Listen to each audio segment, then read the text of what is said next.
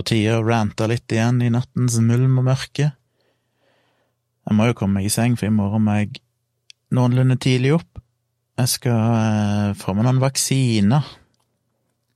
Etter jeg flytta til Oslo, så husker jeg at jeg var og eh, fornya den vaksinen som inneholder eh, polio, kikhoste, difteri og stivkrampe. Og den bør jo alle fornye minst hvert tiende år.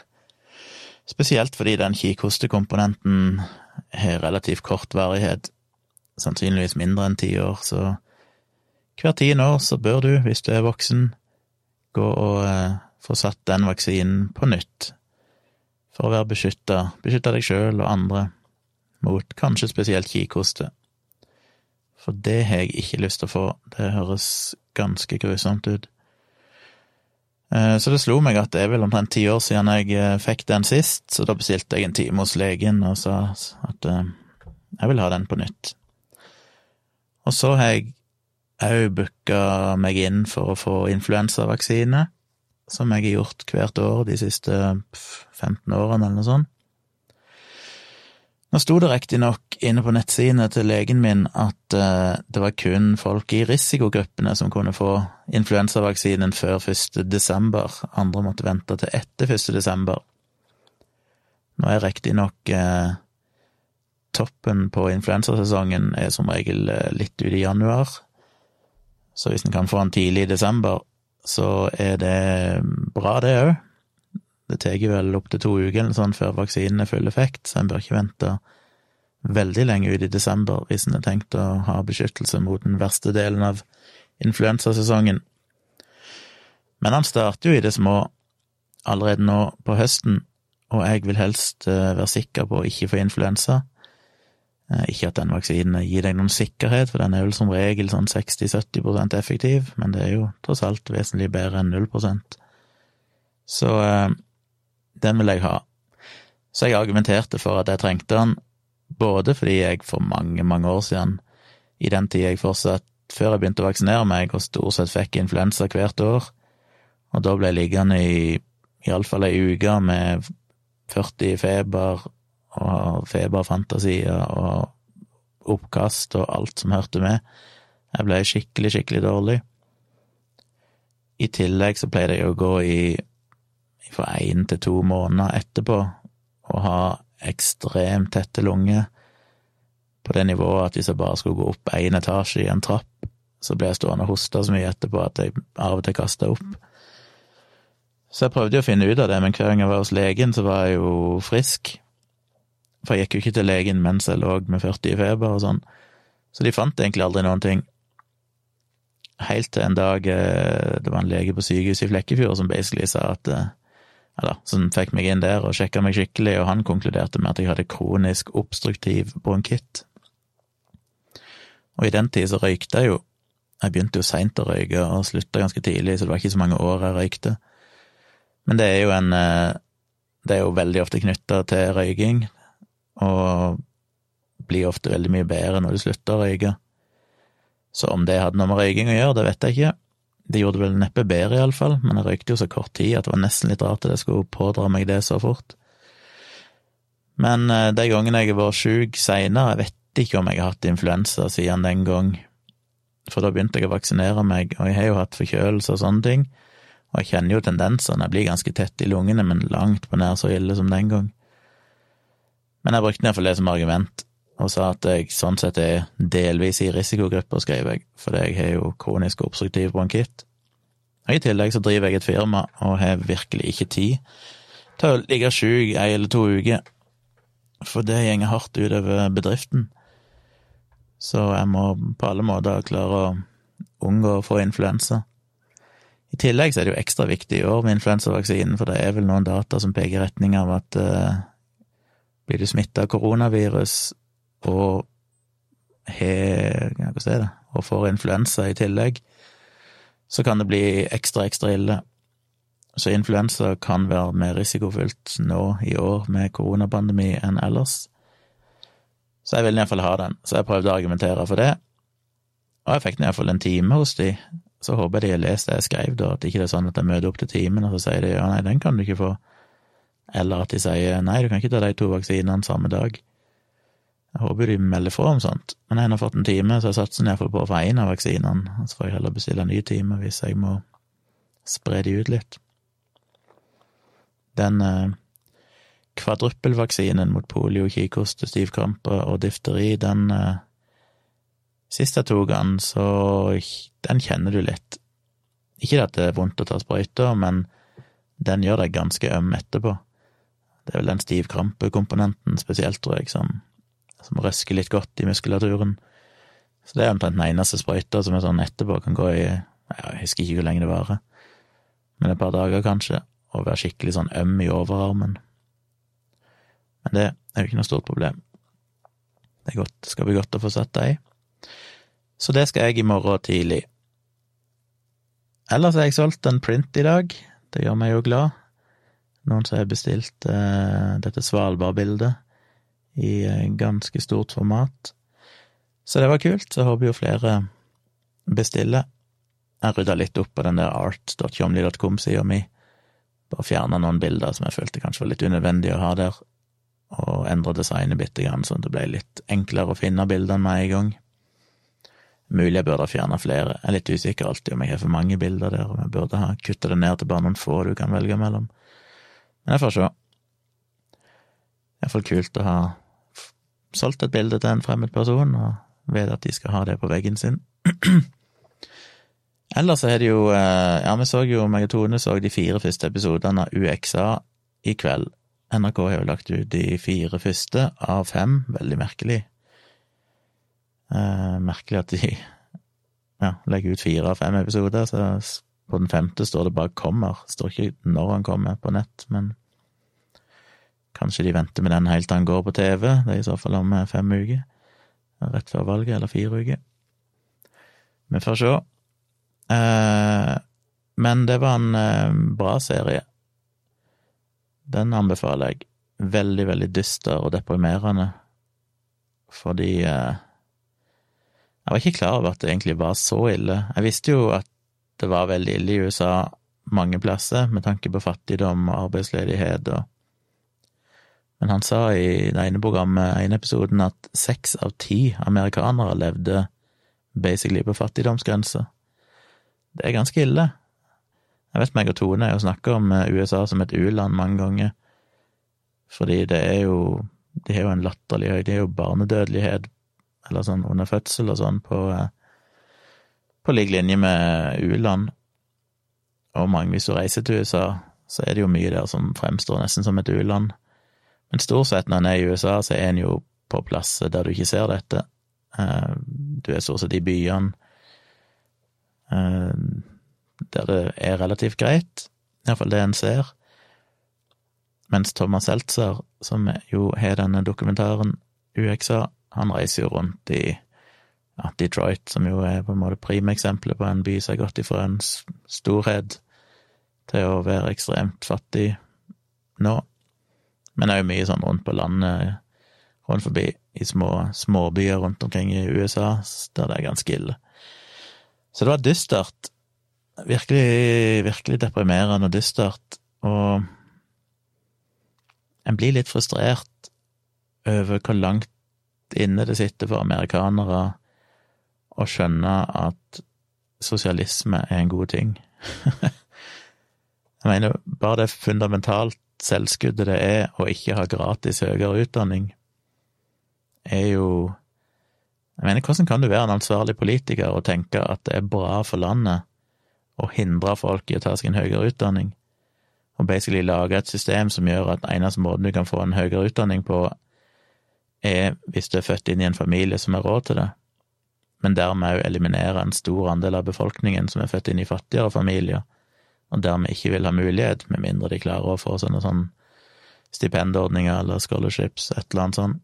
Men for de aller fleste så, så hindrer jo det den der eh, sosiale mobiliteten, der du kan ende opp med mer penger og en bedre levestandard enn dine foreldre.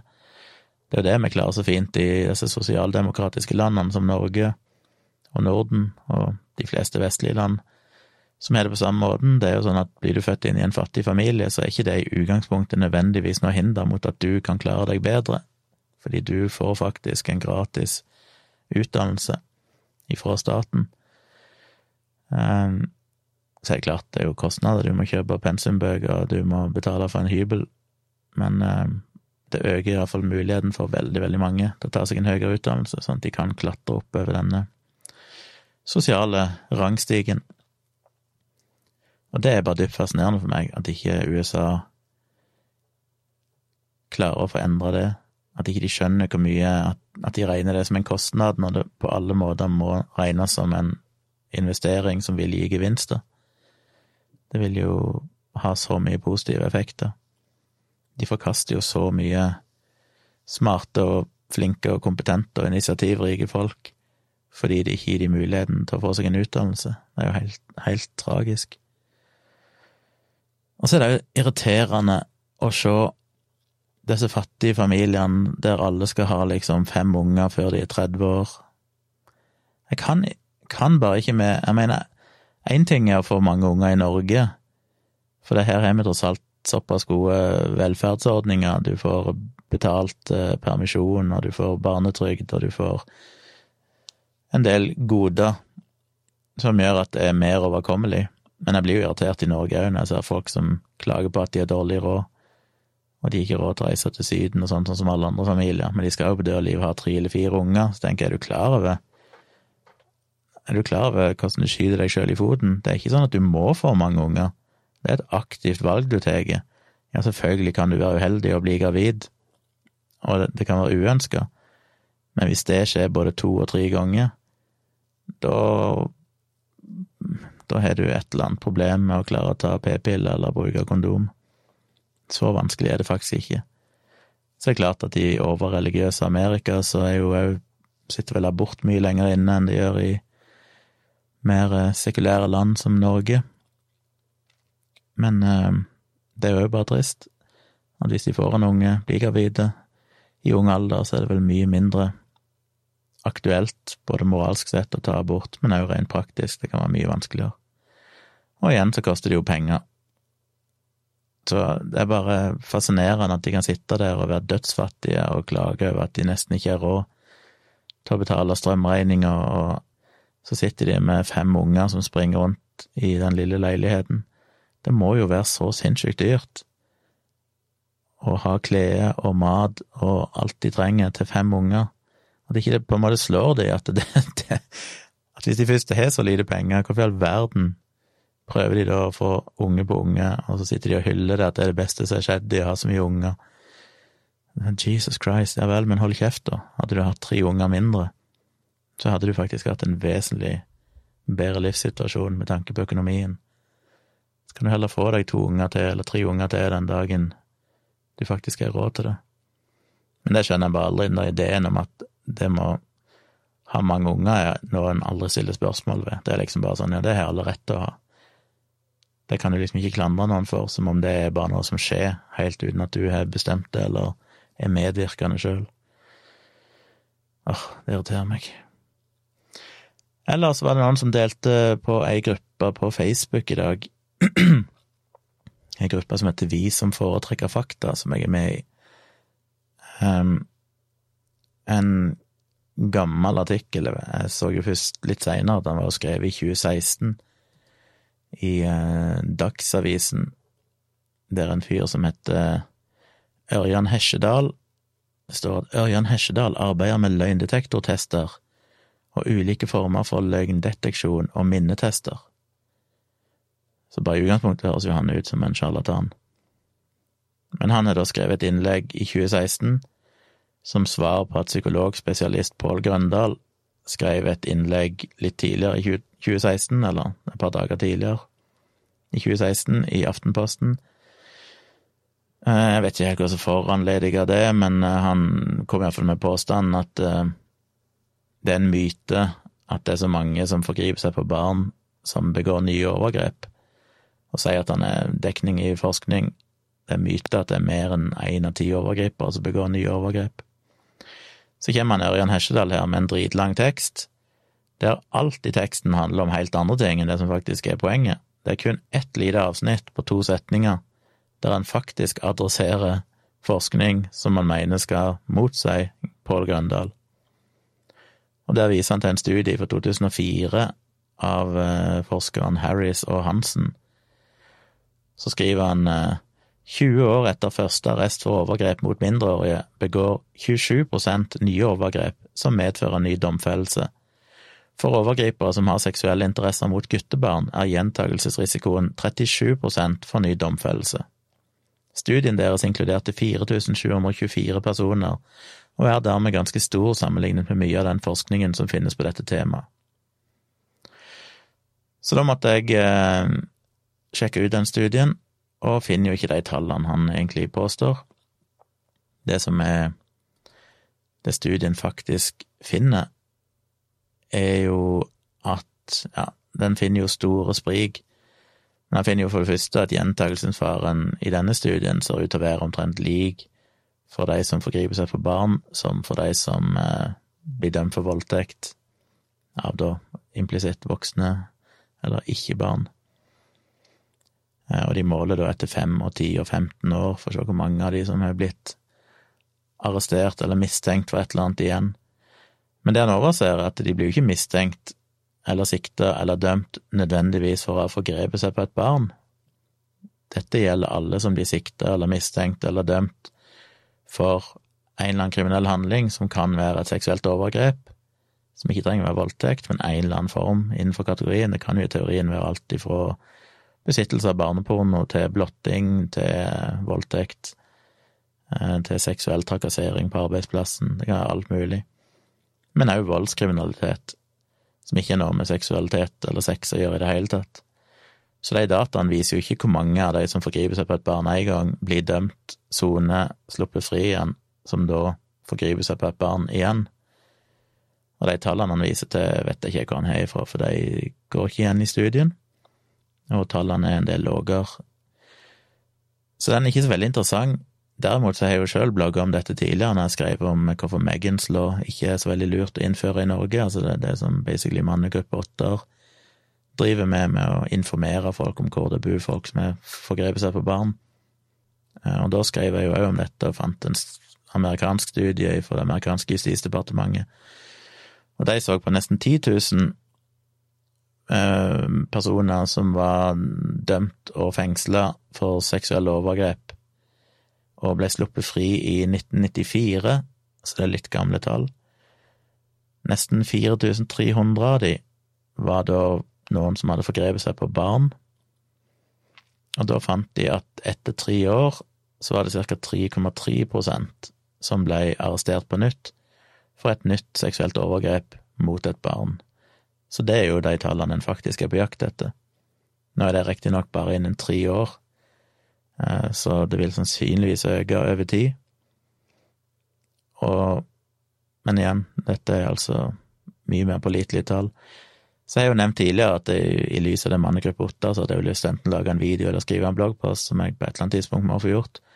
Men da satt jeg og researcha litt her tidligere i sommer og fant en del ny forskning, nyere forskning enn den bloggposten jeg skrev i 2009 om Megans law.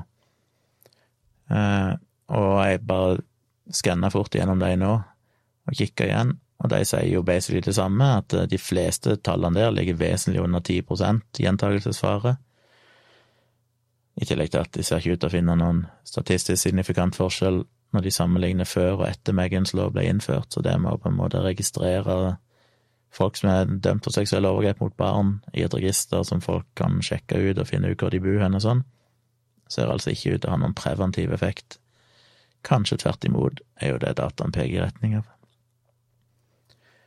Så det bare irriterte meg. Det er en gammel studie, men siden noen posta den i dag og lurte på hva folk tenkte om dette, så måtte jeg jo sjekke det opp, for dette er jo noe jeg faktisk har engasjert meg litt i. For jeg irriterer meg så over sånne myter rundt dette her, at skal vi gjøre noe med såpass alvorlige problemer, så irriterer det meg at det er liksom et av de feltene der en slipper unna med så mye feilinformasjon, fordi folk egentlig ikke ønsker å vite sannheten. Det er for ubehagelig. Litt det vi nevnte i siste dialogisk òg, med disse nye barnesexdokkene, der eh, det var en sak på NRK eller noe sånt nylig, her var på mandag, samme dagen som vi spilte inn dialogisk, om en sånn ny type barnesexdokke som nå liksom kom med store pupper og sånne ting, sånn at det vel skulle være mindre sjanse for at de ble tatt i tollen. Som jo er litt fascinerende, for da er det jo kanskje litt vanskelig, mener jeg, å argumentere for at det egentlig er barnesexdokke. Eh, for da tenner du, altså per definisjon, så skal du da tenne på prepubertale. Det er jo liksom det, dette, det er det som er problematisk her. Eller veldig tidlig pubertale. Men disse dokkene er jo veldig godt utvikla, så da er det i så fall dverger en tenner på, og skal det være ulovlig? Jeg vet ikke om det er politisk korrekt å bruke ordet dverg, etter det kortvokste? Jeg vet ikke. Så det snakka vi litt om i Dialogisk helt på tampen. Men det som irriterte meg mest, var jo han ene politiduden de intervjuet i den saken, som bare helt sånn uten skam sier at uh, det å ha tilgang på sånne dokker øker risikoen for at de begår faktisk overgrep mot barn. Som jeg jo har ranta mye om tidligere og skrevet om alt mulig, både dialogisk og i bloggen og forskjellig. Men det er altså ikke data som peker i den retningen, det er jo bare en påstand politiet serverer gang på gang uten å ha dekning for det. Og det irriterer meg at ikke journalister setter seg såpass inn i saken at de kan stille noen oppfølgingsspørsmål og si ja vel, hvor er, hvor er dataen for det hen? Men de slipper alltid unna med det. Og det er derfor jeg syns dette her er et interessant tema. Litt det samme som jeg skrev jo en del om legalisering av narkotika for en del år siden. Fordi jeg har jo aldri prøvd noen rusmidler, så er ikke det at jeg er interessert i temaet i utgangspunktet, men det er bare det at det er et tema der det er så mye feilinformasjon og så mange sånn overraskende fakta, på samme måte som det er med dette med pedofili og overgrep. Det er så mange ting som folk ofte blir helt overraska når jeg forteller de, som de ikke ante, for at det du får av informasjon, stort sett er så fundamentalt feil. Så da kunne jeg ikke dy meg, jeg er jo ikke ofte jeg diskuterer på Facebook, men nå måtte jeg faktisk skrive en ganske lang kommentar der jeg bare oppsummerte dette her. Så det var nå um, Det var nå én ting som irriterte meg. En annen ting var jo at um, Skal vi se om jeg finner den. Jeg kan jo bare si jeg delte jo en link her på Facebook i går om QAnon og noe greier. Der det var litt sånn forklaring av hva QAnon var, men òg at det neppe ville forsvinne selv om Trump ikke ble gjenvalgt. Og da var det en som kommenterte at han prisa seg bare lykkelig over at det var så utrolig få som trodde på det vrøvlet. Og da måtte jeg jo sjekke, for mitt inntrykk er jo at det jo spredt ganske mye om seg. Jeg mener det er jo, hva var det sto i den artikkelen, at det var iallfall tolv personer nå som aktivt promoterte QAnon-konspirasjoner som sto på valgliste til å bli valgt inn i Senatet eller noe sånt i USA. Og så vidt jeg vet, så er det vel ei som har blitt valgt inn. Men om det er Senatet eller Kongressen, det vet jeg ikke, for jeg kan slite om det. Jeg vet ikke engang forskjellen på Senatet og Kongressen. Med jevne mellomrom så må jeg liksom lese meg opp på det, og så går det to uker, og så har jeg glemt det igjen. Så. Men da fant jeg en artikkel på The Guardian som var skrevet i, slutten, eller i midten av august i år, så jeg tenkte den var relativt oppdatert, og de viser til noe forskning som fant at eh, Skal vi se hva det sto Pew Research Center fant i mars 2020 at 76% av amerikanere visste ingenting om Q, 20% visste litt, og bare 3% visste mye om det. I august 2019 så fant en annen undersøkelse at, at bare 5% av stemmeberettigede trodde på QAnon. Nå syns jeg 5% er ganske mye, nå det vel hvor mange er det som bor i USA? Over 300 millioner. Jeg vet ikke hvor mange av disse er stemmeberettiget. Men 5 av eh, la ikke si 150 millioner er jo ganske mange mennesker. Og det var i august i fjor. Jeg vil jo si QAnon har vokst betydelig i løpet av det siste året. Så Skal vi se Men det er klart det er mindre enn andre konspirasjonsteorier, sånn som eh, Kennedy uh, Kennedy um, Assassination. Fuck, hva det heter på norsk? Henrettelse. Eh, konspirasjoner og månelandingskonspirasjoner og antivaksinekonspirasjoner og klimaendringer og sånn er jo vesentlig mer utbredt. Men de har jo òg hatt vesentlig lengre fartstid. Så jeg vil jo si at QAnon er relativt store til å være såpass nytt. Jeg mener det dukker jo tross alt ikke opp før i 2017. Det er jo et helt nytt fenomen. Jeg er jo ikke sikker på om eh, konspirasjoner rundt eh, månelandinga, om det dukker opp liksom i så stor skala etter tre år. Jeg vil tro det tok en del tid før det begynte å bli mainstream. Så det var nå bare for så vidt interessant å, å, se noen konkrete tall på det, selv om jeg er vel ikke så positiv som denne artikkelen i The Guardian, som, eh, som vil egentlig prøve å argumentere for at det ikke er mainstream, og det er egentlig ganske obskurt fortsatt, så mener jeg at de tallene de legger fram, tyder vel mer i retning av at, at det kanskje er litt for mainstream, men tid vil jo vise hvordan det utvikler seg. Og så var det en artikkel i Aftenposten Lager jeg ikke den? Hadde jeg den her en plass? Det er jo skrevet av den godeste Christian Gundersen, som er professor i biologi ved Universitetet i Oslo. Jeg har vært i iallfall én debatt med han en gang i tida, for ikke så altfor lenge siden, og kommunisert litt med han på Twitter og forskjellige ting. Eh, meg og han er jo på en måte på samme lag i gåsehauget, som skeptikere og kritiske til alternativ behandling, alt mulig sånn. Men jeg har aldri følt meg helt på lag med han, bare fordi han virker veldig sånn Jeg oppfatter han som veldig gubbete. Veldig sånn lite Jeg mener, jeg føler iallfall når jeg diskuterer de temaene, og når jeg skriver placebo-defekten og sånn, så er jeg genuint nysgjerrig og ønsker å prøve å forstå og finne ut om det kan være noe i disse tingene, og sympatisere med at jeg skjønner hvorfor en del eh, blir trukket imot den type behandling. Jeg skjønner mekanismene for hvor lett det er å la seg lure og alt det der. Jeg føler han er litt mer den Richard Dawkins-typen, som er litt mer sånn eh, sur og bitter.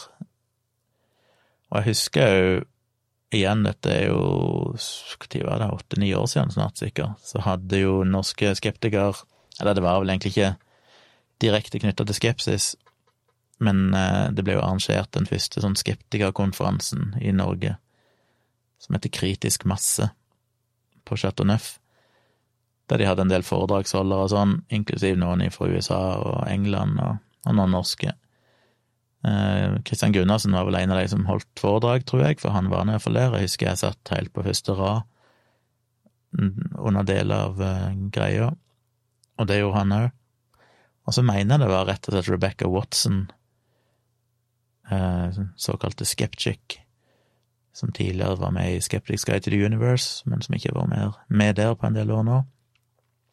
Men jeg begynte å lage YouTube-videoer, som ofte er ganske interessante. Han er korte fem-ti minutters videoer der hun tar for seg temaet og analyserer det kritisk. Og hun hadde vel et eller annet da som handla allerede da om dette med kjønn, blant annet. Om eh, feminisme og kjønn og transpersoner og sånn. Jeg husker ikke detaljene, men jeg husker ennå som reagerte på at han da, når hun var ferdig, rekte opp hånda og begynte å stille noen spørsmål, der han allerede da var veldig kritisk til den ideen om ja, om å myke opp eh, ideen om mann og kvinne.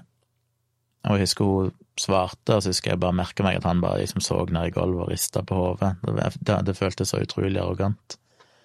Han var liksom bare helt uvillig til å, til å diskutere og bare syntes det var helt idiotisk. Det virka allerede da, tenkte jeg bare at det føltes veldig, veldig reaksjonært og gubbete.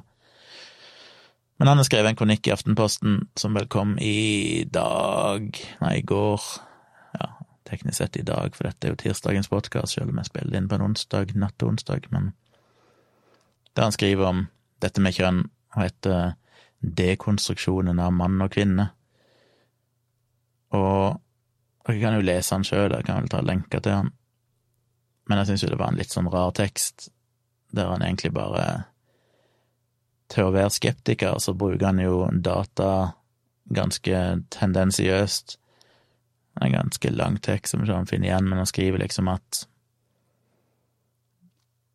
eh, til sammenligning var 415 barn til utredning og behandling ved Nasjonal behandlingstjeneste for transseksualisme i 2019 selv dette beskjedne tallet er mye høyere enn for kort tid siden, og sterkt økende, kanskje nettopp som en følge av den politiske dekonstruksjonen av mann og kvinne, er det åpenbart at dette er en ønsket utvikling.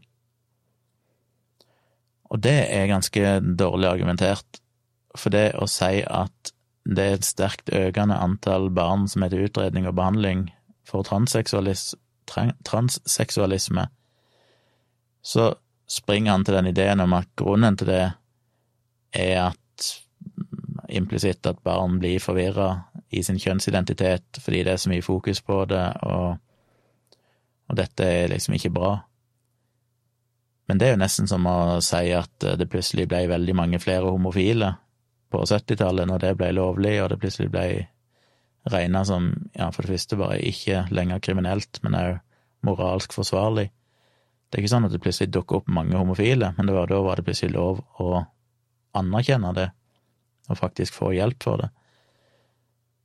Det er litt som jeg snakker om mange ganger, dette her med seksuelle overgrep. At i land der, sånn som Sverige og Island, og for så vidt Norge, der vi har en sterk eh, likestilling og en sterk, sterkt fokus på problemer rundt seksuell trakassering allerede før metoo og sånn, så er det jo fryktelig mange kvinner som rapporterer at de har vært utsatt for seksuell trakassering, mens i land der det er mye mer tabu, så er det jo ofte mange færre som sier at de er blitt utsatt for det, litt avhengig av hvordan du spør. Men det handler jo nettopp om at når du retter fokus på det og forklarer folk hvor grensene går, og hva som er greit og ikke greit. Jeg mener det er jo fryktelig mange kvinner, og menn selvfølgelig, som har vært utsatt for det som faktisk er voldtekt, rent juridisk, men som ikke sjøl er klar over at de er blitt voldtatt, fordi de kanskje ikke tenker på det som voldtekt, sjøl om det juridisk sett er det. Så det å forklare folk disse definisjonene, og få folk til å forstå hvor grensene går hen, og hva som er greit og ikke greit, vil jo selvfølgelig øke andelen da etter hvert som sier at de har blitt utsatt for sånne ting. Og det betyr ikke at flere blir utsatt for det. Det betyr bare at flere nå kan snakke om det og anerkjenne at de har blitt det. Så det er en veldig merkelig argumentasjon, og han skjønner på en måte det blir sånn høne og egg, han blander sammen årsak og virkning. Så skriver han vel òg at uh, Han mener at det å diskutere og ha flere personlige pronomen i tillegg til han og hun virker veldig unødvendig, for det er tross alt bare 0,02% av befolkningen som har benytta seg av tilbudet om å skifte juridisk kjønn. Som er jo en veldig rar måte å diskutere på, for ja, det tallet er veldig lågt, men det kommer jo sannsynligvis til å øke noe. Ikke veldig, for det er tross alt relativt sjeldent, eller det er veldig sjeldent, at folk ønsker det, eller har føler at de er født i feil kjønn, eller tildelt feil kjønn. Så det er ikke sånn at det plutselig kommer til å bli et ras av folk som plutselig skal skifte kjønn. Men det vil nok sannsynligvis stige noe etter hvert som det blir mer normalisert, og du får bedre behandlingstilbud, og folk får mer informasjon. Men den ideen om at fordi det er bare 0,02% av befolkningen som faktisk har skifta juridisk kjønn, så er det på en måte ikke noe vits i å diskutere dette, eller ta hensyn til det. Og det så kaller han jo unisex-toaletter og, og, det å ha tredje juridisk kjønn og sånn som politiske symbolhandlinger. Som er merkelig. Jeg skjønner ikke helt tankegangen. Det blir jo litt sånn at hvis du bare er få nok, så trenger vi ikke bry oss. Og han bruker jo faktisk det eksempelet òg med at han mener han skriver regler om universell utforming for bevegelseshemmede fører til en fordyring, særlig av studenthybler. Kanskje burde det vært grundig debattert i forkant? Ja, kanskje er det bedre måte å løse det på. Det kan ikke jeg så mye om, men den ideen om at hvis det bare er noen få som eh, bruker rullestol, så trenger vi ikke ha noen krav om at det skal være mulig for det å komme seg inn i alle butikker og restauranter og sånn, er jo en ganske grotesk måte å tenke på ja, kan, om det så bare var liksom 100 stykk i Norge, så syns jeg jo definitivt at de burde ha de samme mulighetene som oss.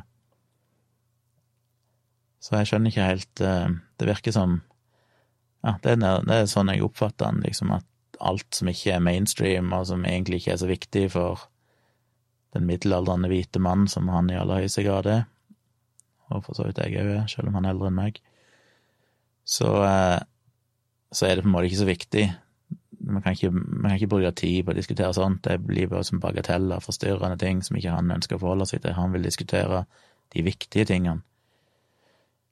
Så jeg, jeg blir litt provosert. Så klarer han jo å skrive Det er få livsaspekter som oppleves så biologisk som kjønn, men nesten alle samfunn driver også en kjønnsbekreftende sosialisering til ens biologiske kjønn gjennom hår og kleskoder, i grammatikken til mange språk og så videre. Kodene varierer, men de er alltid der. Hos oss har valget av blått versus rosa tøy til barn vært så standhaftig at vi må anta at folk liker disse signalene. Som jeg òg syns er ganske, en ganske overfladisk analyse. Eh, jeg vil jo tro at det handler betydelig mye mer om økonomi og markedskrefter. Jeg tror det er lettere å selge blått tøy til gutter og rosa tøy til jenter. At det er sett økonomiske faktorer som igjen påvirker vårt syn på det. Og det er det som er så vanskelig i alle disse debattene, at du må på en måte Altså hadde vi, For det første så vet vi jo rent historisk sett så har jo ting vært motsatt. Det var historiske perioder der det var mer rosa til gutter og blått til jenter, og det var andre farger, så det er jo ikke noe som er Alt på å si, det er ikke sånn det må være. Det er jo i aller høyeste grad bare en kulturell konstruksjon. Og hadde vi forbudt det og sagt at nei, nå blir det forbudt, nå skal alle klær til barn, enten jenter eller gutter, ha random farger, det skal ikke være noen spesifikke farger.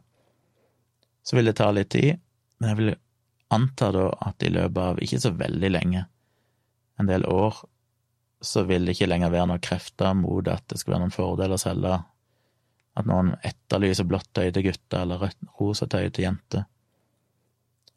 Det er jo noe vi har blitt eh, opplært til, litt på samme måte som jeg snakket om i en tidligere episode av Dialogisk, som vi diskuterte dette med kjønnsroller og sånn, at den ideen om Eller hvorfor er det fortsatt i et så likestilt land som Norge såpass mange kvinner som velger tradisjonelle kvinneyrker, og menn som velger mannsyrker? Vel, det er jo fordi at det er jo sånn vi er opplært. Jordan Peterson og andre vil jo si at dette viser jo, i et land som Norge, som er så likestilt, og begge kjønn har de samme mulighetene, og allikevel så velger en ganske tradisjonelt sånn kjønnsmessig, så betyr det at det må være et eller annet genetisk, at jenter faktisk vil ha den type jobber, gutter vil ha en annen type jobb. Men det er det jo faktisk ikke dekning for, spesielt fordi at dette endrer seg jo nå ganske fort. Det tar jo tid, det er jo en treghet i systemet. Du må kanskje gjennom en eller to generasjoner før du virkelig klarer å endre mentaliteten der det ikke lenger går i arv. Men vi ser jo på dataen at det faktisk er, går i retning av at det blir mer, eh, flere menn som søker seg inn til kvinneyrker, og flere kvinner som søker seg inn til mannsyrker. Men i tillegg så er det jo fortsatt mye som hindrer det. For eksempel, som jeg snakker om, skal du bli eh, ja, murer, enn å sette det? Eh, men sånn eh, jobber så er alt ifra størrelsen på sementsekker til størrelsen på murstein faktisk tilpassa menn, og ikke kvinner. Og mange av disse arbeidsplassene har kanskje ikke uniformer som er tilpassa kvinner. Det har vært en del saker om det, at for eksempel skuddsikre vester til politiet faktisk er tilpassa menn. Så har det vært kvinner som har blitt skada fordi de har hatt skuddsikre vester som ikke er tilpassa kvinnekroppen, og dermed ikke gitt de den beskyttelsen de skulle ha og heller ikke tatt hensyn til at de har bryster og sånne ting. Eh, så alt fra uniformer til verktøy til toaletter og alt mulig sånn, er fortsatt henger igjen, og ikke alltid er tilpassa, sånn at det faktisk er en del praktiske hinder. Så selv om vi er et likestilt land der du teknisk sett, uansett kjønn, kan ta egentlig hvilken jobb du vil, så er det både med markedsføringen av forskjellige studieretninger, hvordan det blir markedsført, hvilke bilder en bruker, og ikke minst erfaringen. Som jeg merka meg når jeg så på en sånn oversikt over forskjellige realfag og kjønnsfordelingen der, så var det jo så rart å se at akkurat innenfor um, meteorologi så er det faktisk en sterk overvekt av kvinner. Og da tenkte jeg, hvorfor er det det? Og eneste, jeg skal ikke si det er forklaringen, men en forklaring jeg tenker kan være sannsynlig, er jo at vi har sett Siri M. Kalvik som meteorolog siden tidlig 90-tall, eller hva det var. Og det har på en måte normalisert ideen om det. Før det så var det jo stort sett bare menn på NRK som sto over meteorologer. Vidar Theisen og co. Men når du plutselig har 30 år erfaring med en kvinne som er liksom prototypen på meteorologen i Norge, så er det klart at det vil gjøre det lettere for kvinner å søke seg inn på det studiet. Det har vi ikke i samme grad i alle andre typer realfag. Eh, det begynner jo selvfølgelig å komme, men det tar litt tid før du illustrerer en sak som handler om eh, programmerer eller hacker med ei dame. Siste årene så er nok det blitt mer vanlig fordi en faktisk anstrenger seg litt for å prøve å gjøre det, men fram til relativt nylig så var det nok sannsynlig at det var bilde av en mann eller en gutt som gjorde den type ting. Og det er jo data på det òg som viste at tidlig, tidlig 80-tall, før de første, rett før de første sånn personlige datamaskinene begynte å komme, så var det faktisk ganske fifty-fifty når de hadde reklame sånn i USA for disse spillkonsollene, eller TV-spillene, som det vil hete. Og de tidligste datamaskinene, der det var både jenter og gutter som satt og spilte og sånn i sånne julereklamer på TV, og prøvde å å selge det som julegave. Men på et eller annet tidspunkt, og på det tidspunktet, så var det omtrent like mange som søkte seg inn på IT-studiet i USA. Men så endra markedsføringen seg, de begynte å markedsføre det mer mot gutter. Og da så en òg en ganske dramatisk endring i at uh, antallet damer som, eller jenter som søkte seg inn på IT-studier i USA, falt betydelig, for det alt du så av liksom reklame for datamaskiner sånn, involverte gutter og menn. Så disse tingene er jo der, og det samme vil jo gjelde kjønnsroller og ideer om eh, rosa tøy og blått tøy og sånne ting. Jeg syns det er ganske overfladisk av han å ikke klare å se litt lenger og litt dypere enn det han gjør. Ja, så det var de tingene jeg hadde rant om i natt. Det ble jo enda en Plutselig har jeg å nærme meg 40 minutter, det er ikke bra. Jeg skal jo egentlig prøve å holde det til en halvtime, men eh, ja, jeg får skjerpe meg. Det var i hvert fall det jeg hadde å si. Så høres vi vel igjen i morgen. Da er jeg vel forhåpentligvis eh, nyvaksinert. Så får vi se hvordan det gikk.